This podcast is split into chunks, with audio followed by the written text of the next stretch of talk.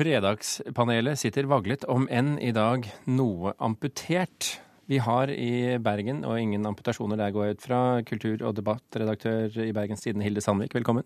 Takk. Kan du garantere uten amputasjoner? Nei. Nei, ok. Det er ingen som ser meg. Nei. Her i studio, leder av samfunnsavdelingen i Dagbladet, Martine Aurdal. Velkommen. Tusen takk. Og en, eh, en person som skal få lov til å være anonym, eh, som ennå ikke har kommet i studio. Vi venter i spenning og håper vedkommende kommer seg raskt på plass. Og mm, gjør vedkommende det, så får dere vite hvem det er. Og gjør vedkommende det ikke, så får dere ikke vite hvem det er. Vi klarer oss eh, helt utmerket med to. Um, eh, Vi skal gå på første spørsmål, kanskje. Sett i gang. Denne uken har mange diskutert om det var riktig å kalle NRK en etikkversting. Årsaken er de mange fellelsene i Pressens faglige utvalg.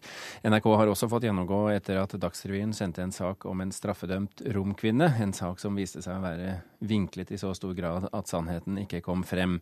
Noe som har opprørt mange både i pressen og i offentligheten generelt. Spørsmålet er vil det bli vanskelig for NRK å gjenreise tilliten, Hilde Sandvik? Eh, Det, svaret burde kanskje vært ja, men jeg tror at svaret er nei. Martine Aurdal. Ja, dessverre. Og inn, inn døren i dette øyeblikk så kommer den tredje personen. Eh, har du fått med deg spørsmålet, herr Arne Berggren? Jeg hørte det i bilen. Du hørte det i bilen, ja. Da har du løpt fort det siste stykket.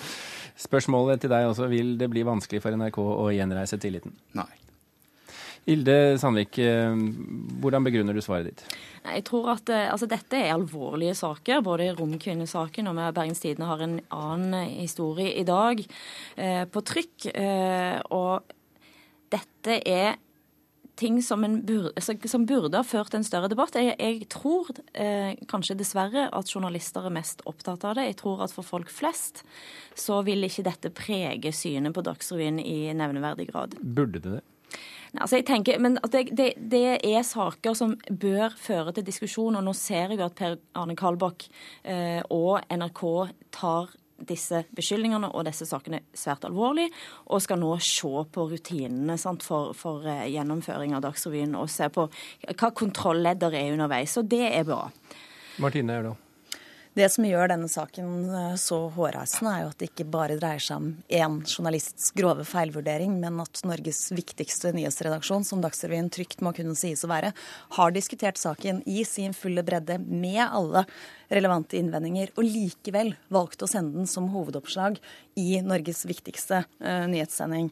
Uh, det gjør at denne saken uh, er egnet til å svekke tilliten, ikke bare til NRK og Dagsrevyen, men til norsk presses omtale av denne typen saker, og som selvfølgelig også gjør en bjørntjeneste til romfolket, da, som tydeligvis var ment å gi en positiv vinkel av. Men at tilliten er svekket, det, det tror jeg vi kan enes om. Spørsmålet er om det blir vanskelig for NRK å gjenreise den. Altså, nå har jo NRK i dag på allmøtet lagt fram en rekke gode strakstiltak for å uh, sikre at dette vanskeligere skal skje igjen. Uh, og de tiltakene de syns jeg er gode. Men jeg ville, hvis jeg var sjef i NRK, også lyttet til uh, kulturministerens uttalelser om at jeg tror NRKs seere både forventer og fortjener og en viss åpenhet rundt de refleksjonene som ble gjort før reportasjen ble sendt. Arne Bergen, har du fått igjen pusten? Ja, helt rolig. Nei, men jeg tror Hva er tillit her? Er det hos befolkningen? Her glemmer man uh, fort, tror jeg.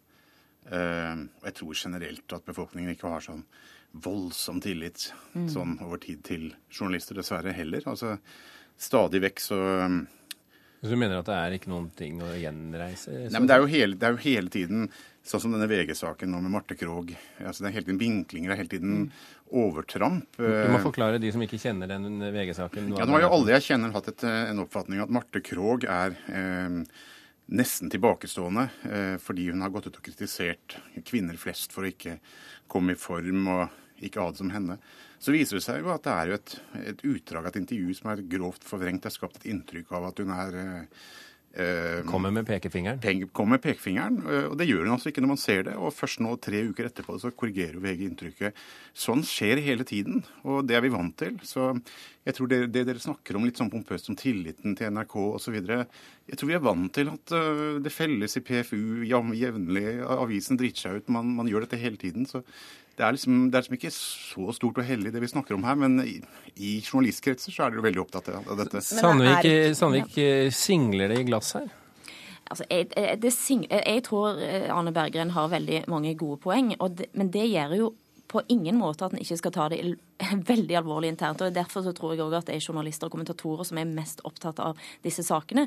Men eh, det som skiller romkvinnesaken fra eh, Marte Krogh, er at en skaper et inntrykk av at NRK er politisert i dekningen, og politisert i ganske vanskelige problemstillinger. Og det kan ikke NRK leve veldig godt med, eh, tenker jeg.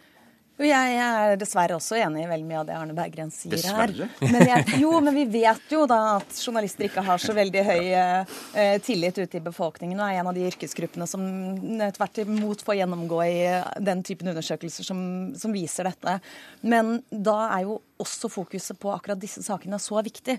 Og heldigvis er jo da vi journalister og redaktører mest opptatt av dem. Det er jo akkurat vi som er nødt til å lære mest av disse sakene også. Mm. Vi eh, lar det ligge der med et eh, slags positivt eh, sluttpunkt, og så går vi på neste spørsmål, som Arne Bergen får høre i sin helhet. Etter 22.07 juli krever flere aviser at du må delta under fullt navn om du skal skrive innlegg på deres nettsider. Det fører til færre skjellsord, og at nettdebattantene i større grad holder seg til saken. Det viser ny forskning.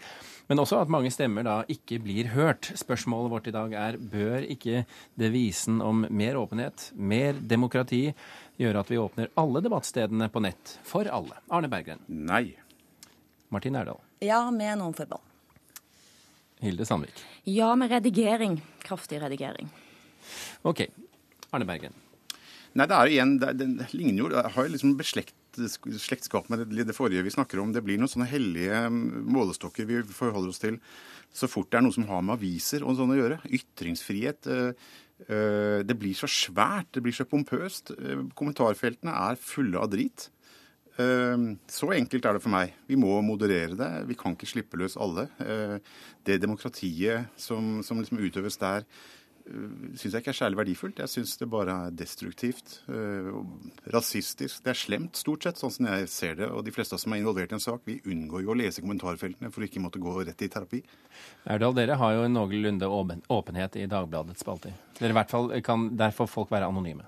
Ja, og det er jo her jeg mener Arne Berggren blander sammen to argumentasjoner. Fordi jeg er helt enig i at debatten må modereres, og den modereres tett og kraftig.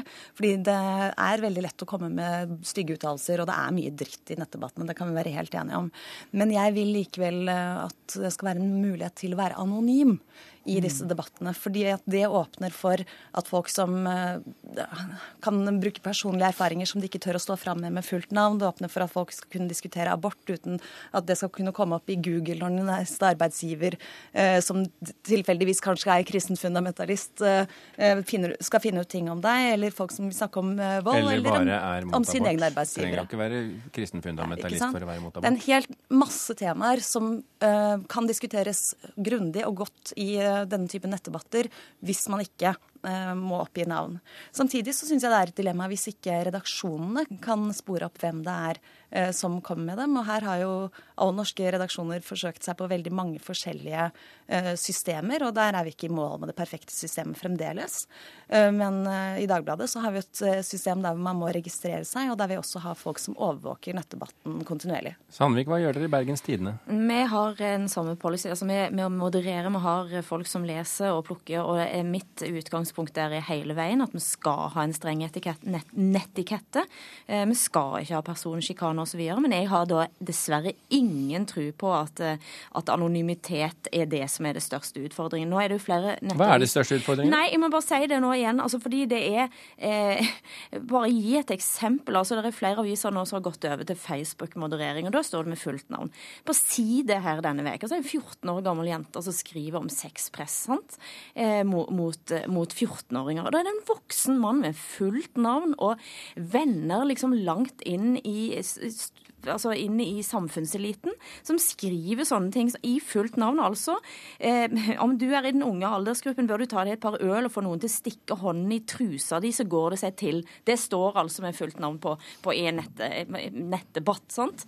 Eh, og Da tenker jeg at da må vi bare se grundigere til verks, for sånn kan faktisk ikke voksne folk oppføre seg.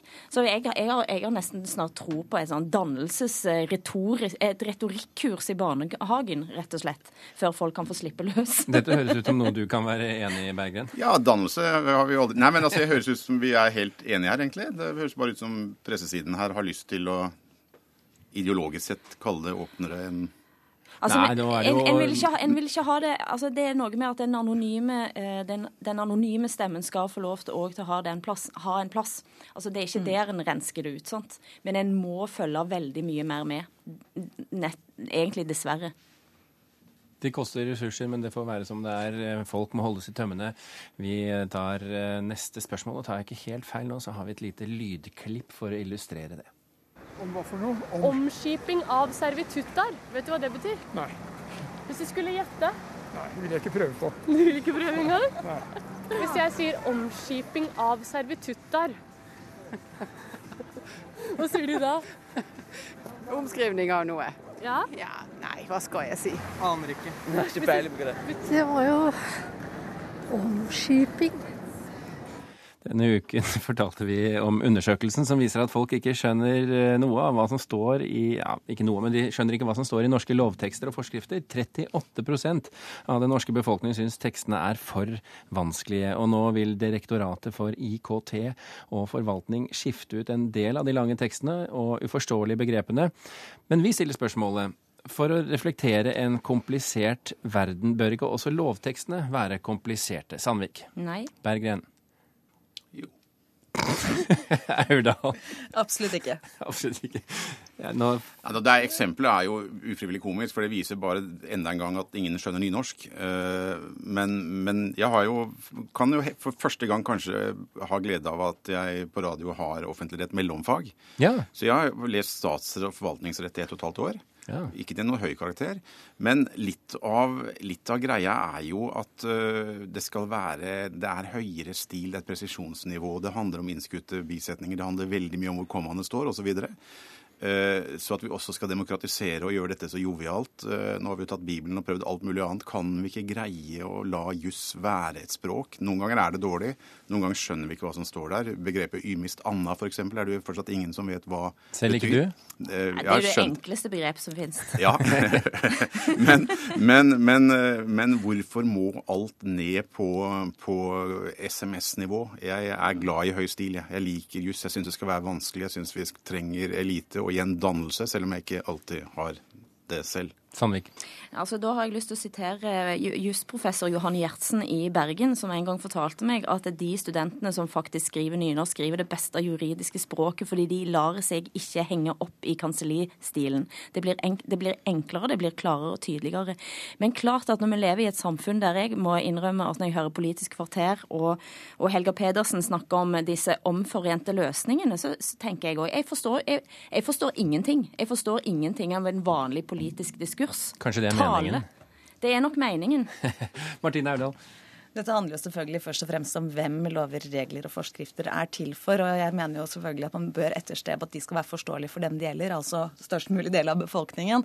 Eh, vi har et stammespråk, dessverre, i store deler av forvaltningen som er utilgjengelig for folk flest. Og hvis man skal måtte ha offentlig rett mellomfag, eller forvaltningsrett mellomfag for å eh, kunne forstå det, så er det noe gærent, rett og slett. Vi har jo nå et ferskt eksempel i 22. juli-kommisjonen sin rapport som viser at en NOU også kan skrives på en tilgjengelig måte som folk flest forstår. Og det bør være et ideal for offentlig språk i det hele tatt. Men er ikke du også enig i at et eh, visst presisjonsnivå sikrer eh, mot tilfeldige forståelser eh, av lovteksten? Ja, hvis det var sant. Men det er jo ikke riktig. Jeg har også sittet i, i retten, ikke som student, men, men, i ulike former for borgerplikt, som lagrettemedlem og, og i tingretten som meddommer. Og det er jo ikke slik at fordi om en tekst er skrevet kronglete i loven, så er det eh, udiskutabelt hva som står der. Tvert imot, hvis man hadde hatt et enklere, mer forståelig språk, så ville det kanskje også vært lettere å forstå. Sandvik. Dette er jo en sak som altså allerede i 2009 diskuterte en jo at byråkratispråk skulle vekk, og da skulle det settes ned den ene kommisjonen etter den andre for å få vekk disse begrepene. Eh, og, og jeg tenker at det er jo òg en måte å holde folk i sjakk på. Rett og Er det slett. det- er det det, er et demokratisk er problem. Ja, Det er jo en interessant konspirasjonsteori, for å si det mildt. Men det er klart det er mange lover som er dårlig formulert, og de er pusset på og pusset på osv. Men jeg nesten bare for sportens skyld vil liksom forsvare den høyere stilen, og at noe ikke alltid er tilgjengelig for alle, bare på pur F som fredag ettermiddag. Ja, men det syns jeg var fint, og derfor fikk du også siste ordet i Fredagspanelet, Arne Berggren, som på ingen måte fikk det første ordet i Fredagspanelet i dag. Tusen hjertelig takk for at du kom til, eh, til oss. Eh, Martine Aurdal og Hilde Sandvik også, eh, takk skal dere ha for innsatsen i denne fredagens Fredagspanel.